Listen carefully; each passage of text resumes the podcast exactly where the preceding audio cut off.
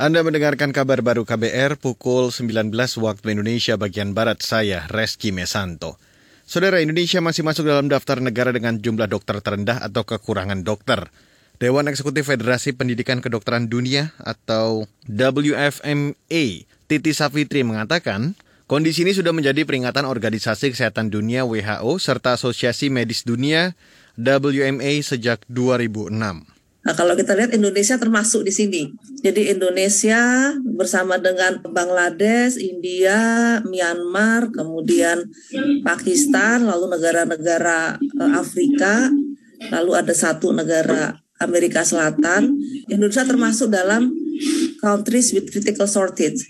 Ini sudah tahun 2006 WHO menyampaikan ini. Untuk bisa memenuhi ini diperlukan political leadership, adequate financing, dan comprehensive plan gitu.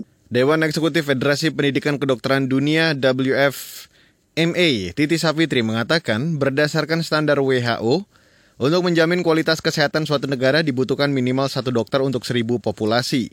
Dengan penduduk Indonesia mencapai 270 juta jiwa, maka dibutuhkan 270 ribu dokter. Namun data di Kementerian Kesehatan menyebut saat ini hanya ada 110 ribu dokter berizin. Indonesia masih membutuhkan 160 ribu dokter untuk memenuhi standar WHO. Beralih ke berita selanjutnya, Saudara, anggota Komisi Bidang Hukum DPR Arsul Sani mendorong konflik di Papua diselesaikan melalui pendekatan penegakan hukum. Menurutnya, penyelesaian hukum berbasis sistem peradilan pidana harus lebih diutamakan ketimbang pendekatan keamanan.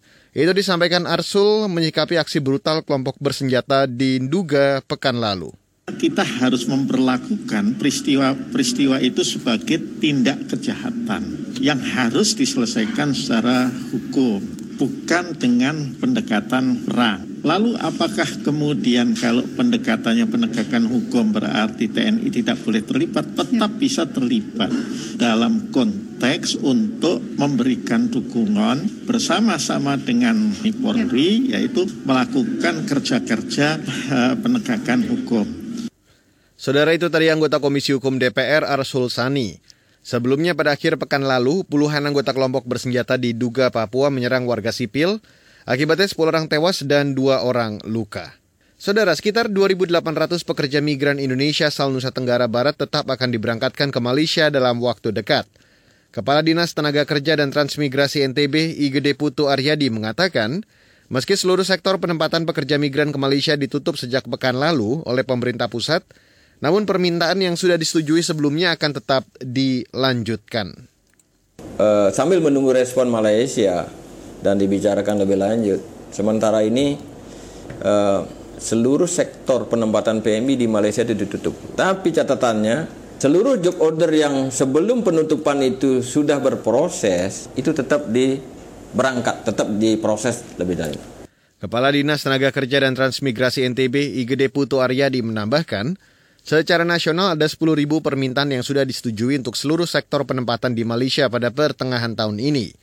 Dari jumlah itu 4.200 permintaan tenaga kerja untuk sektor perkebunan kelapa sawit. Sebelumnya, pemerintah pusat menghentikan sementara penyaluran pekerja migran ke Malaysia. Indonesia menganggap Malaysia melanggar kesepakatan awal kerjasama ketenaga kerjaan. Dan saudara, demikian kabar baru saya Reski Mesanto.